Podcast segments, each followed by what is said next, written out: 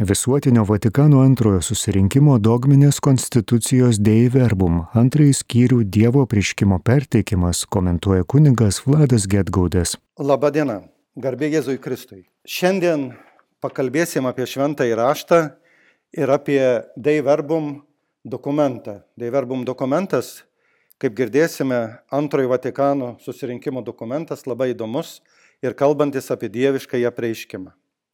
Be abejonės žmogaus gyvenime šventasis raštas yra ypatinga knyga. Ir daugelis žmonių tai žinodami įsigyja šventąjį raštą, kadangi jį galim įsigyti bet kokiame knygyne, atsiverta ir pradeda skaityti. Ir nesupranta jo svarbos.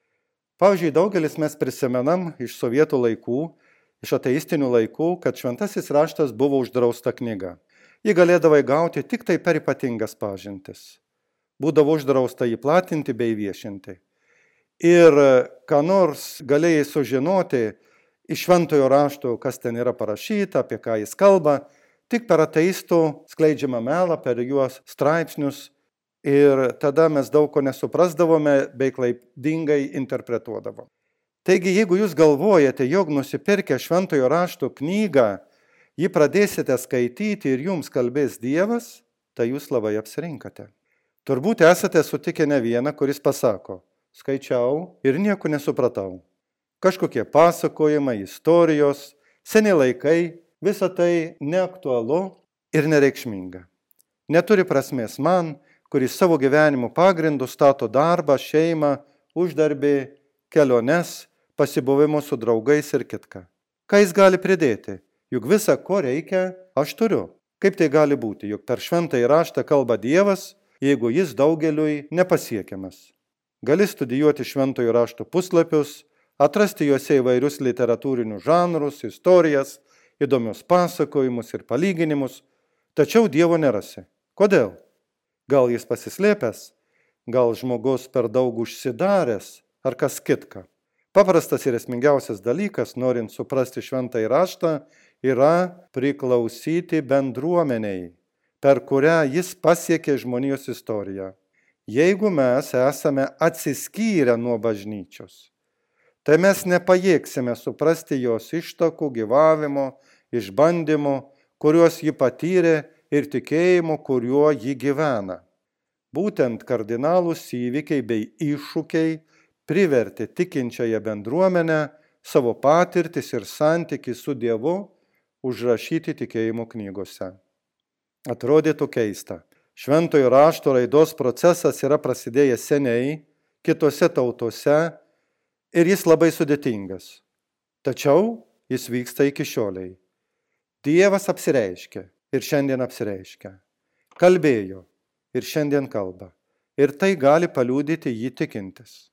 Ir jeigu noriu, kad atsivertę šventojo rašto puslapius išgirščiau Dievą, tai turiu ne tik atsiriboti nuo savo kasdienybės sustoti ir pabūti tyloje, bet ir turėti drąsos įžengti į bažnyčią. Žinoma, ne į tuščią bažnyčią, kur vėl galiu susikurti skirtingą, bet savo patogią individualią erdvę, bet į tokią bažnyčią, kurioje yra besimeldžiančių žmonių. Ir tada tapsiu tos bendruomenės dalimi. Neformaliai, bet iš tikrųjų. Tada sugebėsiu išeiti iš savo individualizmo ir pamatyti bažnyčios bendruomenės narius. Tada atsiskleis gyvenimo pajutimas, problematika ir jos sprendimo kitokios galimybės. Taigi, jeigu nori atsiversti šventą įraštą ir skaitydamas jį suprasti, privalai būti bažnyčioje ir turėti joje esančiojo patirtis, kurios nėra taip lengvai nusakomos.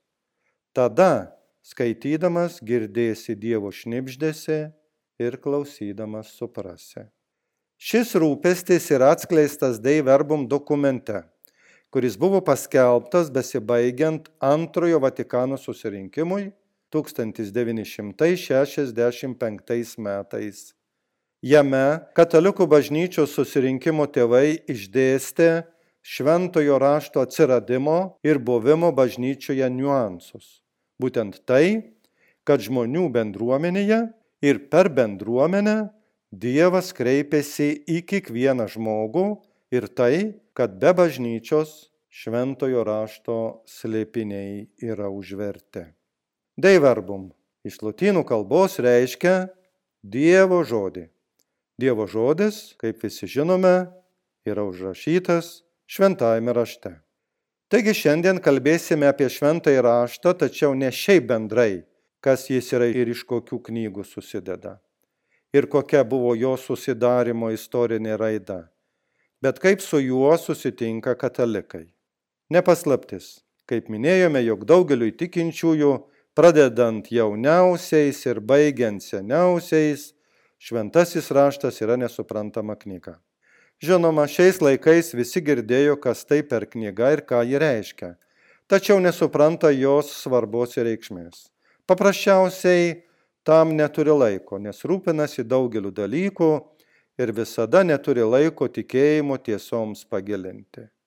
Tokiu būdu tikėjimas tampa neįdomus ir neaktualus reikalingas tik tam tikromis progomis paminėti.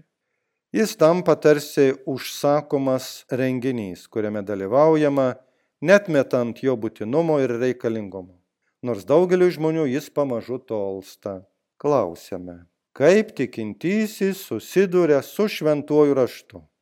Įvairiais būdais. Tačiau daugiausia, manyčiau, dalyvaudamas arba būdamas šventosiuose mišiuose kuriuose jis dalyvauja per laidotuves, kalėdas, Velykas, santoką ir kitomis progomis.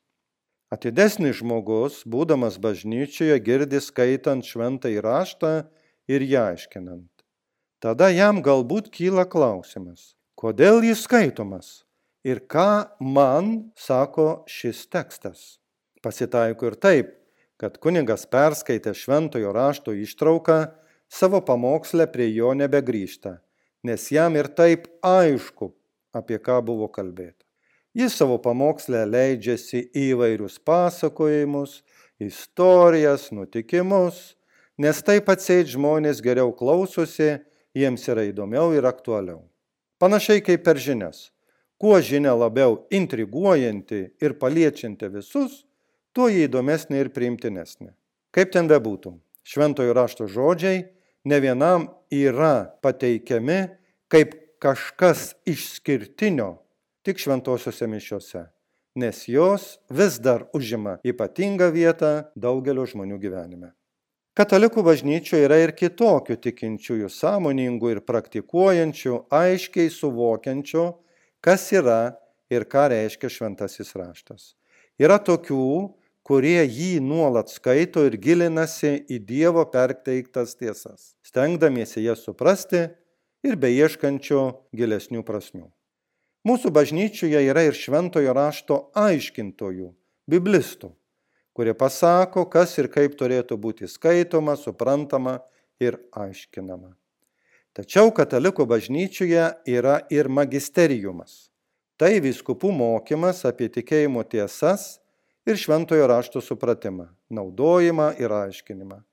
Jie tikintiesiems, tame tarpe ir biblistams bei teologams, perteikia tam tikras gairias, kad nenukryptume nuo teisingo mokymo ir nepasinertume į klaidingas doktrinas, nesivaikytume įdomybių ir keistenybių, kurių šiais laikais tiek daug. Ir taip plačiai skelbiama į visas puses. Kada viskupai kartu su popiežiumi kalba apie tikėjimą ir moralę, tada reikėtų jo žodžiais patikėti ir juos priimti. Taip daro katalikai.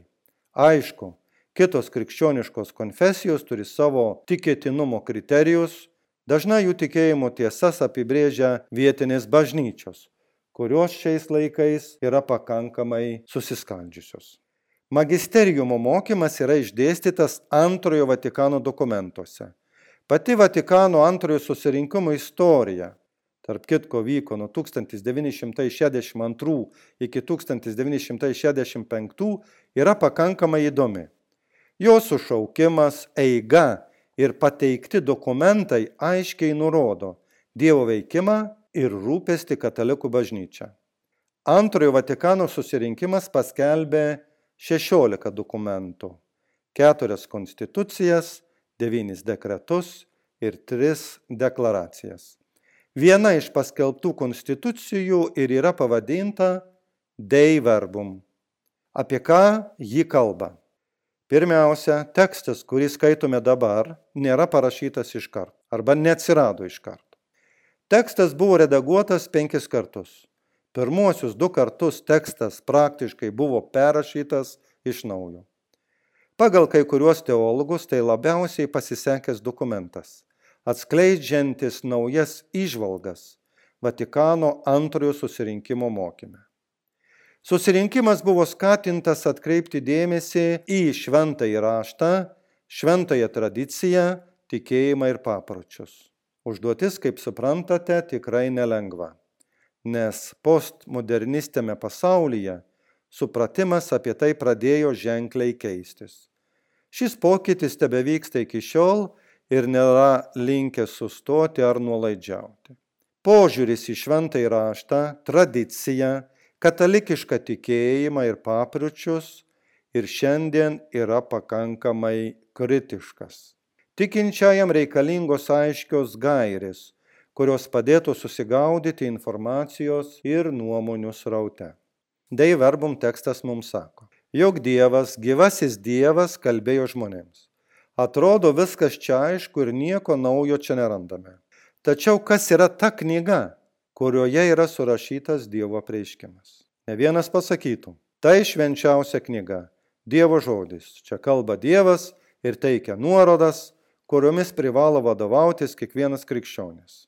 Paneigti tai būtų sunku, bet praplėsti mintį yra būtina ir tam mums padeda Dei verbum tekstas, pirmiausia, primindamas tris dalykus. Jis sako, jog Dievo žodis yra.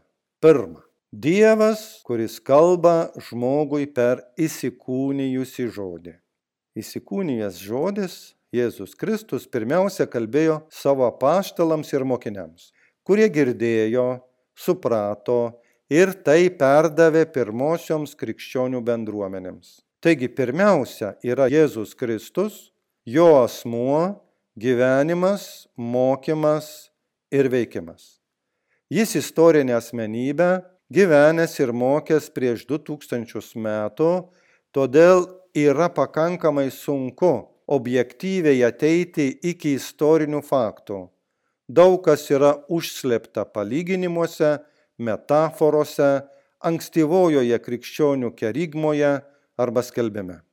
Tačiau Deiverbum dokumentas aiškiai pabrėžia, pradžioje yra gyvasis Jėzus iš jo viskas atsiranda, jis yra apreiškimo šaltinis. Antras, šventasis Dievo žodis yra užrašytas. Jį randame šventajame rašte. Reiškia, tai, ką girdėjo, suprato ir atsiminė paštalai, užrašė ir tai vėliau buvo redaguota ir sudėta į šventojo rašto puslapius. Čia atsiskleidžia visa šventojo rašto užrašymo ir redagavimo istorija atskleidžianti atskirų knygų atsiradimo metus ir autorystę. Ir trečia, Dievo žodis yra tas, kuris gyvuoja bažnyčioje. Be ankstyvosios bažnyčios pastangų, kovų su erezijomis, Dievo žodis nebūtų atėjęs iki mūsų laikų. Jeigu jį mes turime tokį, koks jis yra, tai dėka tradicijos ir magisterijumo. Patinka mums tai ar nepatinka, bažnyčios reikalingumas ir svarba perteikiant Dievo žodį ir esminį. Apie tai gana aiškiai mums kalba pirmasis Jono laiškas, pirmasis skyrius. Ten randame tokius žodžius. Gyvenimas pasirodė ir mes regėjome ir liudijame ir skelbėme jums amžinai gyvenimą, kuris buvo pas tėvą ir pasirodė mums ką matėme ir girdėjome, skelbėme jums, kad ir jūs turėtumėte bendravimą su mumis. O mūsų bendravimas yra su tėvu ir su jo sunumi Jėzumi Kristumi. Jeigu ankstesniai bažnyčios dokumentai kalbėdami apie apreiškimą pabrėždavo jo doktrinalinį aspektą, būtent, jog šventasis raštas perteikė tam tikras doktrinas ir mokymus, kuriuos būtina suprasti bei įsisavinti, kad galėtum tuo gyventi, tai dei verbum iš karto pasako, jog apreiškimas apima asmeninį, kristocentrinį ir trejybinį aspektą. Dabar truputėlį pažvelkime į tuos tris punktus, apie kuriuos kalba Dei verbum dokumentus ir pažiūrėkim aiškiau, kaip tai reikėtų suprasti. Pirmas dalykas. Dievas kalba žmogui per įsikūnyjusį žodį. Pirmajame Dei verbum skyriuje skaitome tokius žodžius. Todėl apsireikšdamas, neregimasis Dievas iš didžios meilės prabyla žmonėms kaip draugams ir su jais kalbasi, norėdamas juos pakviesti ir priimti į savo bendrystę. Ką tai reiškia? Paprasčiausiai, kad Dievas mums kaip baigtinėms būtybėms kalba mums suprantamu būdu. Tam tikrą prasme jis nusileidžia iki žmogaus, kad užmėgstų su juo bendrystę. Taigi pirmiausia Dievo iniciatyva, po to žmogaus galimybė atsiliepti. Viduramžiuose skambėjo geras posakis. Tai, kas gaunama, gaunama būdu atitinkančiu gavėją. Lotyniškai skamba taip. Quid vid recipitur, recipitur ad modum recipientis. Asmenį arba kitą mes pažįstame arba mus pačius pažįsta tik per santykį. Yra visiškai kas kita, kai kas nors mums pateikia informacijos apie kitą žmogų. Ji gali būti netiksli, subjektyvi, sąlygota tam tikrų veiksnių, tačiau kai mes patys sutinkame vienas kitą, prasideda bendrystė, kuri taip pat turi savo vingių, bet yra tikra. Ji gali tęstis arba nutrūkti, tai priklausys nuo abiejų pusių. Taip ir Dievas savo prieiškimu dalyjasi su žmogumi, dieviškojų gyvenimu, jis pakviečia į bendrystę. Antras punktas. Jėzaus žodžiai yra užrašyti šventajame rašte. Tačiau, kol jie tapo kūnu, buvo ilgas procesas, kuriame persipina mokiniai, paštalai, paskui ankstyvoji bažnyčia ir galiausiai pastangos suprasti, susisteminti, pateikti. Istorija yra pakankamai komplikuota ir ilga, įdomi ir atskleidžianti daug niuansų. Apie tai, kas be ko yra labai daug parašyta įvairių studijų bei knygų. Trumpai tariant, pati pradžia. Jėzus pradžia, po to apaštalai. Ir kada apaštalai susiduria su Jėzumi, jie supranta, kad per jį Dievo žodis turi būti paskelbtas. Jie susiduria iš pradžių su Jėzumi kiekvieną dieną, šalia jo gyvena. Jėzus pasirodo jiems kaip už visus aukštesnis. Jame slypi kažkas nesuvokiamo ir didingo. Jis daro poveikį kitiems savo gale, gerumu ir gailestingumu. Apaštalai su tuo susiduria. Jie yra nustebę. Ir jų supratimas be abejonės taps aiškesnis apie Jėzų tik tai tada, kai jis prisikels iš numirusių, kaip mes tai žinome. Kita vertus, prisideda nestardartiniai veiksmai. Tas Jėzus, su kuriuo mokiniai bendrauja, nesusitapatina su savo aplinkos žydų tikėjimo tradiciją, bet ją kritikuoja ir kaltina dėl žmogiškųjų piknaudžiavimo. Jis sako, apleidę Dievo įsakymą, jūs įsikibę laikotės žmonių papročių. Tai skaito Morkaus Evangelijoje. Jėzus suponuoja fariziejams ir rašto aiškintojams, tiems, kurie gerai išmanė raštus ir pateikia jiems konkrečius atvejus, atskleidžia jų piknaudžiavimus. Todėl Jėzus susilaukia atitinkamos reakcijos. Jėzaus žodžiai ir veiksmai tačiau kuria naują tradiciją, kuri konfrontuoja su senaja. Jis pateikia naują ir kitokią rašto interpretaciją. Pavyzdžiui, paskelbdamas visus valgius esant švarius, jis paneigia esminį žydų tikėjimo matmenį apie valgių švarumą, o gydydamas per šabą pakeičia šabo šventimo nuostatas. Bet svarbiausia, jos kelbimas atveria naują kelią į tikėjimo universalumą. Evangelijose girdime, kai Jėzus sako, jūs esate girdėję, kad protėviams buvo pasakyta. Ir jis priduria, o aš jums sakiau. Taigi jis palygina tai, kas buvo pasakyta anksčiau, su tuo, ką jis pasako. Ir be bejonės, klausydamiesi jo mokiniai bei apaštalai šito Jėzaus žodžių, ne viską galėjo suprasti, nes tada susidūrė senoji tradicija su naujaja tradicija. Jiems reikėjo pakankamai ilgo laiko, kad tai įsisavintų, suprastų ir po to jau galėtų apie tai kalbėti naujoje šviesoje. Visa tai kėlė problemas tiek žydų tautos elitui, tiek patiems žinoma Jėzaus mokiniams, kurie negalėjo pilnai suprasti, kas čia dedasi. Todėl norint aiškiau suprasti apreiškimą, Deiverbum ir patvirtina. Ta apreiškimo planą Dievas vykdo artimai tarpusavyje susijusiais veiksmais ir žodžiais. Taigi Dievas perteikia savo apreiškimą per Jėzų Kristų, per jo veiksmus ir žodžius, kurie, kaip girdėjome, skiriasi nuo ankstesnių veiksmų ir žodžių, kuriais tikėjo žydai. Po Jėzaus prisikelimo ir šventosios dvasios nužengimo prasidėjo naujas povelykinis etapas, kuriame apaštalai ir mokiniai susidūrė su būtinybė ne tik gyventi pagal naują Jėzaus mokslą, bet ir skelbti jį. Todėl Dievo žodis yra susijęs su šventuoju raštu ir su apaštalu ir Jėzaus mokinių įsipareigojimu jį skelbti. Deiverbum dokumente skaitome. Šventoji dvasia apreiškė jį, tai yra Dievo slėpinį, Kristaus apaštalams, kad jie skelbtų Evangeliją, pažadintų tikėjimą Jėzų, Kristų bei viešpatį ir suburtų bažnyčią. Taigi, kaip girdėjom, užduotis nelengva - skelbti Evangeliją, pažadinti tikėjimą Jėzų Kristų ir suburti bažnyčią. Ir šis skelbimas, kaip žinome, tęsiasi iki šių dienų. Kristocentriškumas, kadangi skelbimo centre be abejonės yra Jėzaus Kristaus asmuo. Ir šitas kristocentriškumas atsiskleidžia šiuose deiverbum žodžiuose. Yra tai parašyta. O per šį apreiškimą tiesa ir apie Dievą, ir apie žmogaus išganimą, visa savo gelme mums sušvinta Kristuje, kuris yra viso apreiškimo pilnatvė. Mus domina, kaip Jėzus atsistoja istorijos centre. Kaip tiesa apie jį pasiekia mus? Koks yra procesas? Kyla pagunda viską sudėti į žmogaus veikimo galimybės, palankes istorinės aplinkybės ir manyti, jog taip Kristaus apreiškimas, kuris yra užrašytas šventajame rašte, pasiekia mus.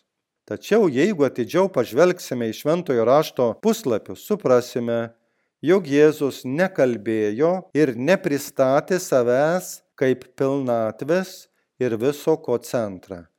Jis kalbėjo apie savo dangiškąjį tėvą.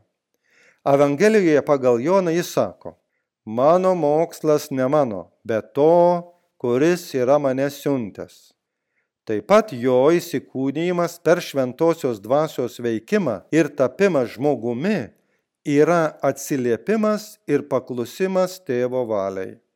Tai žmonijos išganimo ekonomija arba procesas, kuris prasidėjęs tęsiasi per istoriją išskirtinai per šventosios dvasios veikimą.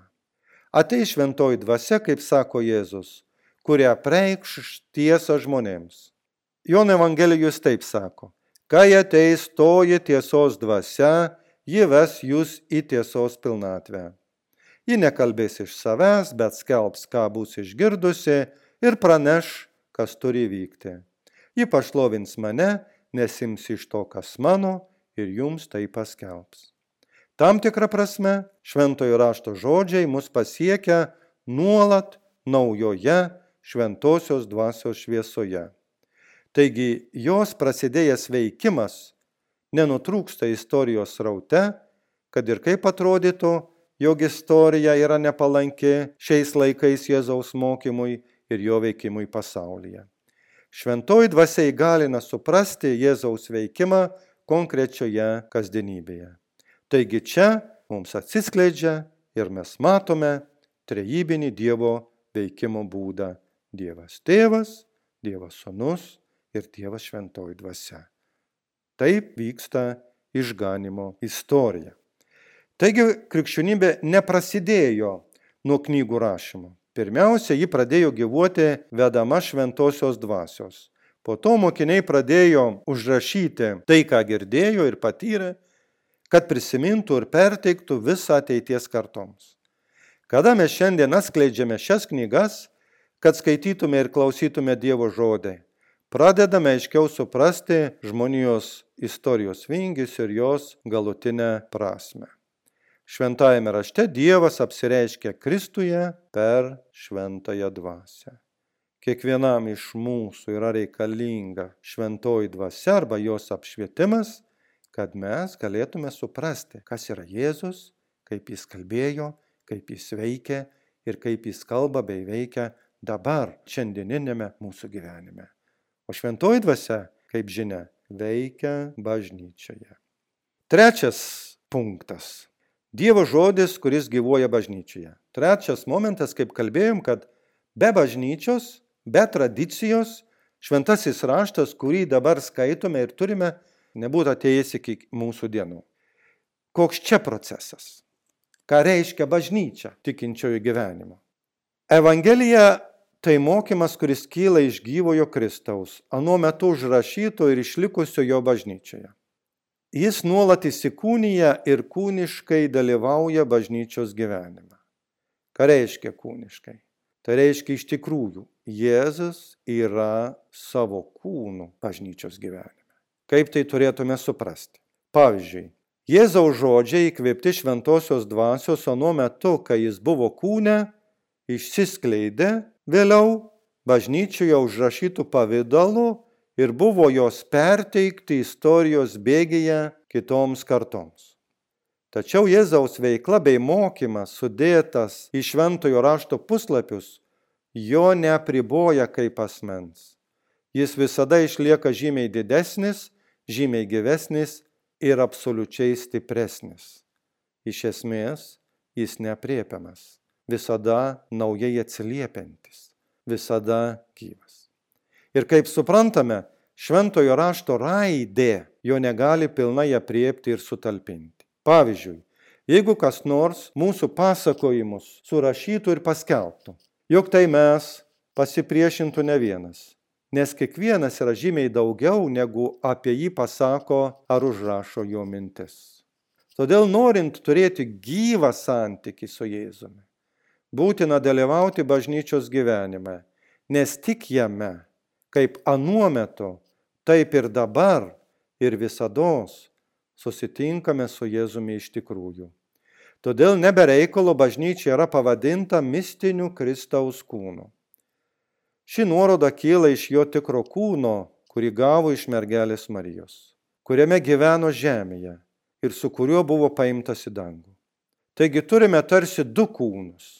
Vieną istorinį, kada Kristus gyveno žemėje, ir kitą mistinį, kur Kristus dabar gyvena savo bažnyčioje. Mums kyla klausimas, kaip yra įmanoma susijęti juos abu, kokia galima jungtis tarp šių dviejų tikrovių - istorinio kūno, Jėzaus kūno ir mistinio kūno. Ar jį įmanoma ir kaip ją atskleisti ir suprasti? Tai aiškiai suprantame gyvai dalyvaudami bažnyčios gyvenime, kur ir susidurėme su dviem esminėmis tikrovėmis, kurias galime apčiuopti ir kurios mus paliečia. Tai Eukaristija ir šventasis raštas. Priimdami šią tikrovę kūniškai, tai yra realiai susijęjame save su Kristaus kūnu. Per Eucharistiją dalyvaujame dieviškame gyvenime, o per šventąjį raštą pažįstame dieviškąją tiesą. Tokiu būdu Kristus tikinčiajam tampa tiesa, kelias ir gyvenimas.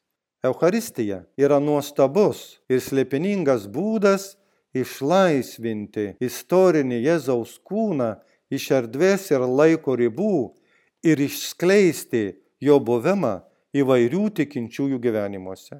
Kadangi pagal Kristaus nurodymą jis yra būtinas maistas tikinčiojo gyvybei palaikyti ir užtikrinti amžinai gyvenimą, tai tikintysis atsiliepsdamas susijęs save su Kristumi. Ir jame pradeda pulsuoti dieviškas gyvenimas. Jono Evangelijoje skaitome, iš tiesų, iš tiesų sakau jums, jei nevalgysite žmogaus sunaus kūno ir negersite jo kraujo, neturėsite savyje gyvybės. Šiuos žodžius išgirstame bažnyčioje. Šiais žodžiais turime patikėti ir turime priimti Euharistiją kūniškai iš tikrųjų. Dėka Euharistijos gimsta bažnyčia, kaip Kristaus kūnas. Besidauginant vieninteliam Kristaus kūnui, išsisklaidžiusi žmonija jame yra suvienijama. Pirmajame laiške korintiečiams skaitome tokius žodžius. Argi duona, kurią laužome, nėra bendravimas Kristaus kūne. Jei viena duona, tai ir mes daugelis esame vienas kūnas, nes mes visi dalyjamės vieną duoną. Šventajame rašte yra viešpats kaip žodis ir kaip dvasia, iškilęs aukščiau erdvės ir laiko, tačiau tuo pačiu neapsakomas, konkretus ir realus. Du komunikacijos būdai besiskleidžiantis bažnyčioje pristato Kristaus kūną arba visą Kristų visam pasauliui jo konkrečioje dimencijoje. Kaip kalba bažnyčios tėvai, Dievo žodis yra šviesa ir tavo sakramentas yra gyvenimo duona mano sielai. Egzistuoja tarsi du stalai Dievo bažnyčioje. Vienas stalas yra šventasis altorius ir ant jo yra šventoji duona, brangiausias Jėzaus Kristaus kūnas. Antras yra šventojo įstatymo stalas, ant kurio yra padėta šventoji doktrina, kuri mokina tikro tikėjimo ir veda į šventųjų bendrystę. Abi komunikavimo formos yra aiškiai šventosios dvasios veikimas, nes tai, kas yra sunus, per dvasę yra perkeičiama, panašiai kaip nuo žodžio ateiname iki rašto. Iš tikrųjų, jeigu mes norim suprasti tas tiesas, mes turime dalyvauti bažnyčios gyvenimą ir šventoji dvasia turi mus apšviesti, kad suvoktume, kas yra Euharistija ir kas yra šventasis raštas, Dievo tiesa. Iš tiesų, kaip viešpat sakramentuose, kiekvieną momentą yra pasirengęs save dovanoti ir veikti tame, kuris jį priima gyvų tikėjimu, Lygiai taip pat jis yra pasiruošęs asmeniškai atsiskleisti kaip žodis ir tiesa. Ir padovanoti kiekvieną momentą susitikimą su dieviškojo apreiškimo žodžiu tam, kuris prisišlieja prie šventojo rašto per maldą, ieškojimą ir troškimą. Šitokioje perspektyvoje išriškėja ryšys tarp šventojo rašto ir tradicijos šventojo rašto žodžiai yra sužadėtinio dovana sužadėtiniai bažnyčiai. Jie yra jai skirti ir jai priklauso. Kadangi Dievo žodžiai yra skirti jai, bažnyčiai, tai jos rūpestis yra juos saugoti nuo klaidų ir iškraipimų ir skelbti visai žmonijai. O būdamas Dievo žodis, šventasis raštas, žinoma, stovi aukščiau bažnyčios ir bažnyčia privalo jais sekti ir vadovautis. Ir užbaigime žodžiais iš Deivarbum. Taip bažnyčia savo mokymu, gyvenimu ir apeigomis pratęsia bei perduoda visoms kartoms visą, kuo ji yra ir visą, kuo ji tiki. Taigi iš šių šiandieninių žodžių, kuriuos girdėjote apie šventą raštą ir Deiverbum, kuris tengiasi mums pristatyti, kas tas šventas raštas Dievo apreiškimas, kad yra tie trys momentai pagrindiniai, būtent Jėzus, iš kurio visas seka, užrašymas šventojo rašto į puslapius ir bažnyčia, per kurią šitas šventasis raštas pasiekia žmoniją. Tai mums pradeda susigaudyti ir suprasti šventojo rašto tikrovę. Ir antra vertus, raginu kiekvieną, kas turit galimybę atsiskleiskit Deiverbum dokumentą ir perskaitykit. Galbūt iš pradžių jums pasirodys sudėtingas tekstas, bet jeigu atidžiau paskaitysit, suvoksit, kiek daug įdomių, nuostabių, gilių tiesų jis mums perteikia. Taip suprasit, kodėl yra reikalingas šventasis raštas, bažnyčia, kas yra tradicija ir kaip visa tai yra susijęta. Tai praturtins kiekvieno jūsų gyvenimą. Ačiū uždėmesi, ačiū, kad klausėtės, gražių ateinančių švenčių sudie. Visuotinio Vatikano antrojo susirinkimo dogminės konstitucijos Dei Verbum antrąjį skyrių Dievo apriškimo perteikimas komentavo kunigas Vladas Getgaudas.